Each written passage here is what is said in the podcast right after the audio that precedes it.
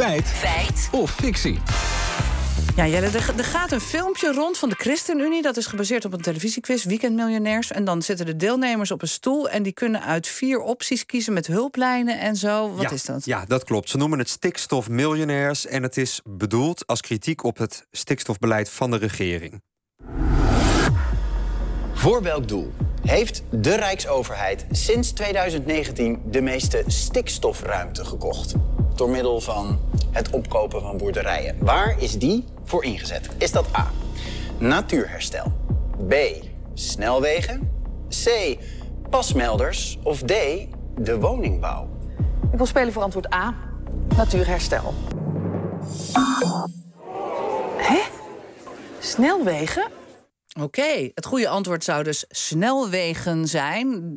Dus da- daar gaan we richting naartoe. Maar waar, waar baseren ze die claim dan op? Ja, dat vroeg ik aan Dirk Vreugdeheel van de ChristenUnie in Gelderland. Wij hebben ons gebaseerd op eh, de tracébesluiten die zijn gepubliceerd, onder andere van de A27 en de A15. En daar zien we dat er 19 boerderijen zijn opgekocht om die snelwegen te kunnen realiseren of te verbreden. Voor de woningbouw hebben we een maatregel genomen, namelijk 100 km per uur rijden.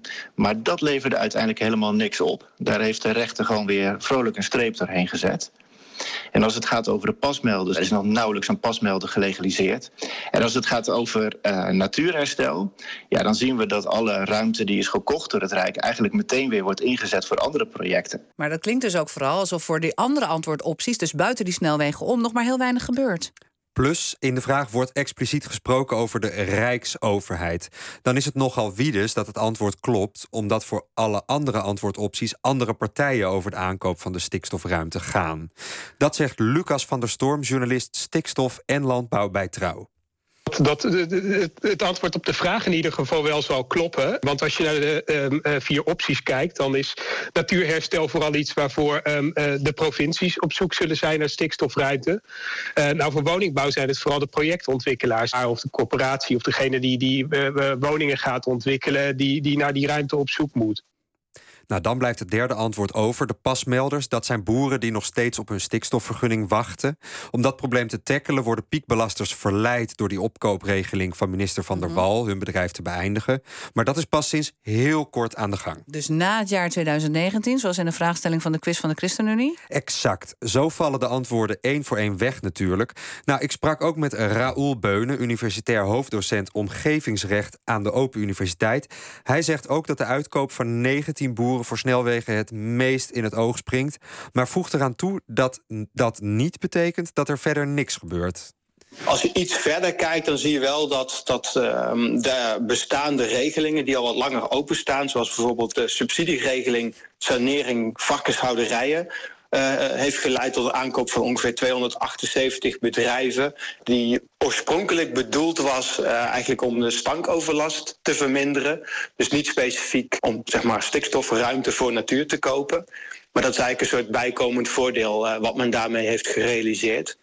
Dat is dus een bijvangst. Het was niet gericht op stikstof en daarom telt deze niet mee in de quiz van de ChristenUnie. Maar die stikstofruimte is er wel degelijk. En die gaat in principe naar natuurbeheer. Dan kom ik terug bij die uitkoopregeling voor de piekbelasters. Die loopt nog, maar sinds kort. Maar begint wel zijn vruchten af te werpen, zegt Beunen.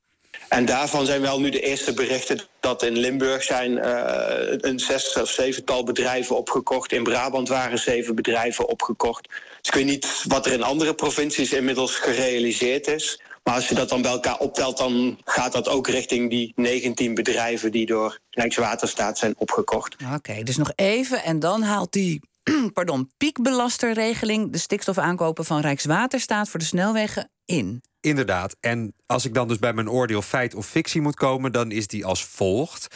Door de specifieke woordkeuze in de ChristenUnie-quiz is het dan een feit. Sinds 2019 is de meeste door de Rijksoverheid opgekochte stikstofruimte naar snelwegen gegaan.